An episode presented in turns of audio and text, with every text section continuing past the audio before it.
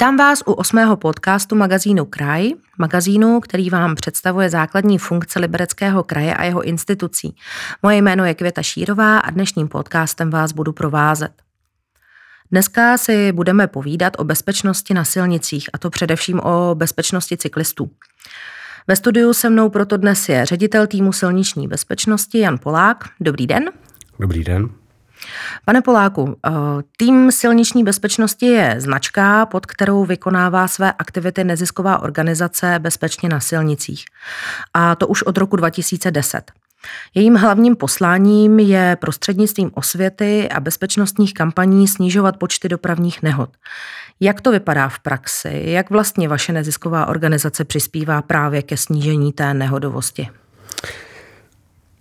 Tak, eh, eh, ono je to vlastně více než 10 eh, let. Já osobně působím v oblasti BESIPu někde od roku 2003 a podobně na tom jsou i mý kolegové, kteří spolu se mnou utváří ten tým silniční bezpečnosti. Jen před těmi deseti lety to dostalo, řekněme, nějaký, nějaký tvar, nějakou značku a od té doby působíme jako tým silniční bezpečnosti. A co se týká eh, našich činností, tak eh, já musím říct, že tým silniční bezpečnosti je eh, úzce zaměřená organizace působící, působící v oblasti BESIPu. A my se zabýváme zejména takzvaným lidským činitelem, to znamená hlavně vzděláváním a působením na tom chování, aby doprava byla co možná nejvíce bezpečná ve svém celku. A každý účastník byl maximálně ochráněn. Výchova a vzdělávání je tedy velký problém bezpečnosti. Ano, podle mě je ten naprosto zásadní. Eh, on ten lidský faktor eh, bývá někdy trochu opomíjen na úkor eh, zlepšování těch vozidel, opravy pozemních komunikacích a tak dále. Ale ono je to právě to rozhodnutí, které je zásadní, které děláme, jestli pojedu rychle nebo se připoutám, jestli si vezmu helmu na kolo, tak to všechno hraje významnou roli. No a my těmi našimi aktivitami a projekty právě míříme na tato rozhodnutí a naše činnost tedy spočívá hlavně ve vzdělávacích akcích, dopravní výchově, eh, prezentací pro veřejnost. Pravidelně taky vydáváme tiskové zprávy a komentujeme problematiku bezpečnosti pro média. Srpnový magazín Kraj je věnován cyklistice. Eh, existuje teda nějaká konkrétní kampaň, která by cílila právě na cyklisty?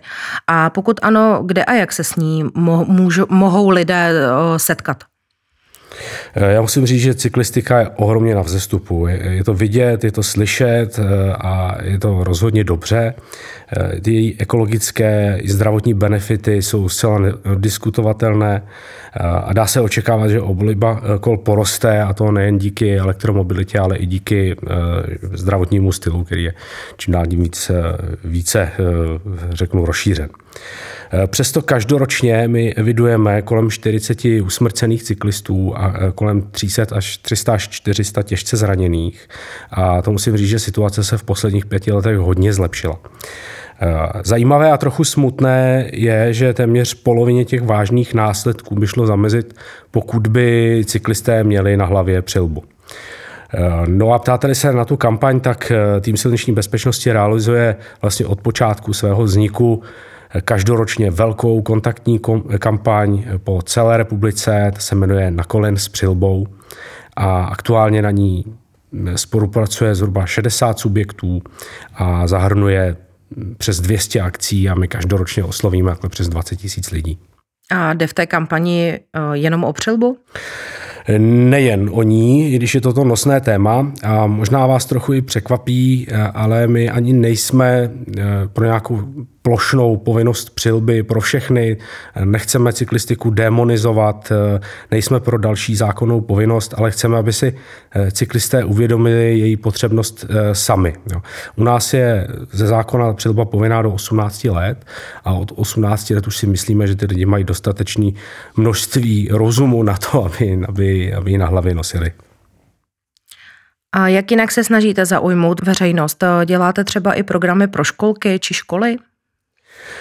Určitě eh, dopravní výchova dětí je jedno z našich, řeknu, stěžejních témat eh, a podle mého názoru i nejvíce důležité. My, když budeme tu dopravní výchovu dělat kontinuálně, budeme dělat správně, tak, tak si myslím, že ochráníme nejen ty děti, ale, ale hlavně to příští generace řidičů bude zase o kousek bezpečnější, na silnicích ohleduplnější a, a říkáme kooperativnější, tedy bude jakoby spolupracovat s těmi ostatními účastníky silničního provozu.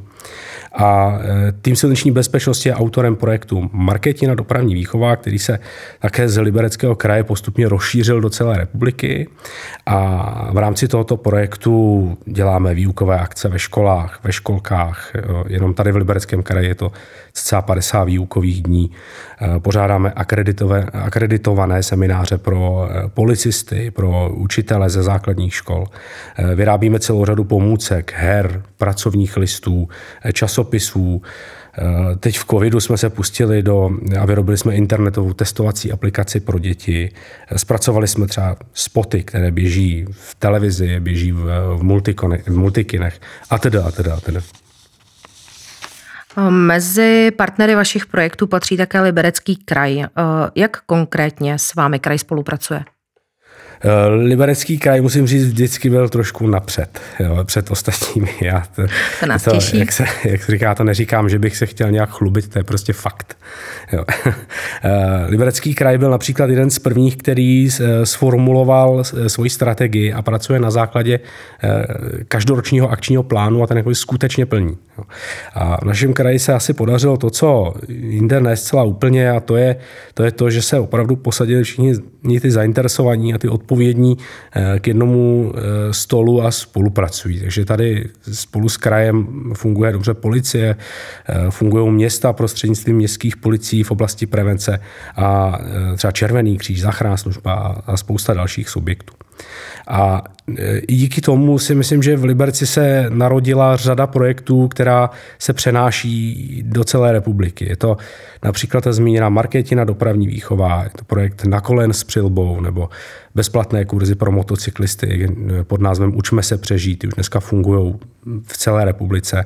A uh, Myslím si, že náš kraj je v tomhle opravdu unikátní a díky, i díky tomu uh, vážné nehody nebo následky eh, nehod eh, dlouhodobě klesají a náš kraj je jedním z nejbezpečnějších. Jaká jsou ta další témata? O čem s cyklisty v kampaních mluvíte? Tak dále mluvíme hlavně o problematice alkoholu, o technice kola, viditelnosti. Eh, velkým tématem je elektromobilita, pravidla k tomu stažená, nebo například cyklistická infrastruktura, pravidla pro cyklisty. A e, ona právě ta infrastruktura pro cyklisty je poslední dobou složitá. E, pravidla jsou cyklistům v mnoha případech e, ne zcela jasná a musím říct, že cyklisté třeba hlavně ve městech kolikrát ani neví, po čem jedou. Jestli je to vyhrazený jízdní pruh, ochranný jízdní pruh nebo takzvaný eh, piktogramový koridor, cyklostezka, společná cyklostezka pro cyklisty eh, a chodce. Oni si prostě kolikrát myslí, že jedou eh, na cyklostezce. A pak samozřejmě nastává trošku problém, že neví úplně přesně, jaké povinnosti, jaká práva se na ně vztahují. Kde vás mohou cyklisté potkat? Tak eh, cyklisté nás mohou potkat eh, hlavně na cyklostezkách, eh, ve městech, na cyklotrasách, na horách, po celém kraji. A asi nás uvidí už z dálky, protože my vždycky máme rozložený stan a něm máme různé pomůcky, kola ukázková, jak máme ji vybavená a, a ukázky reflexních předmětů a tedy a tedy. A my vás určitě oslovíme a určitě si budeme chtít povídat, budeme si chtít povídat právě o všech těch eh, tématech, eh, o kterých jsme mluvili, jako je alkohol, technika, viditelnost a výbava kola eh, a tak dále. Takže přímo při nějakém rodinném výletu je možné, že na vás se rodina narazí a dozví se konkrétní informace o tom, jak by měli jezdit bezpečněji na kole? Přesně tak. Co byste popřál vašim projektům a v podstatě všem účastníkům silničního provozu do budoucna? tak projektům bych popřál, aby se dál šířili tak, jak se šíří, aby fungovali a e, já si hlavně přeju to, abychom směřovali, a to nejen v Libereckém kraji, ale všude e, do stavu, kdy, kdy se za chyby v dopravě nebude platit lidskými životy a těžkými zraněními. Tak to bychom určitě všichni velice rádi. Ve studiu se mnou dnes byl Jan Polák, ředitel týmu silniční bezpečnosti. Děkuji za příjemný rozhovor a naslyšenou. Naslyšenou. A na vás, milí posluchači, se budu těšit opět za měsíc při dalším podcastu magazínu Kraj, magazínu Libereckého kraje. Naslyšenou.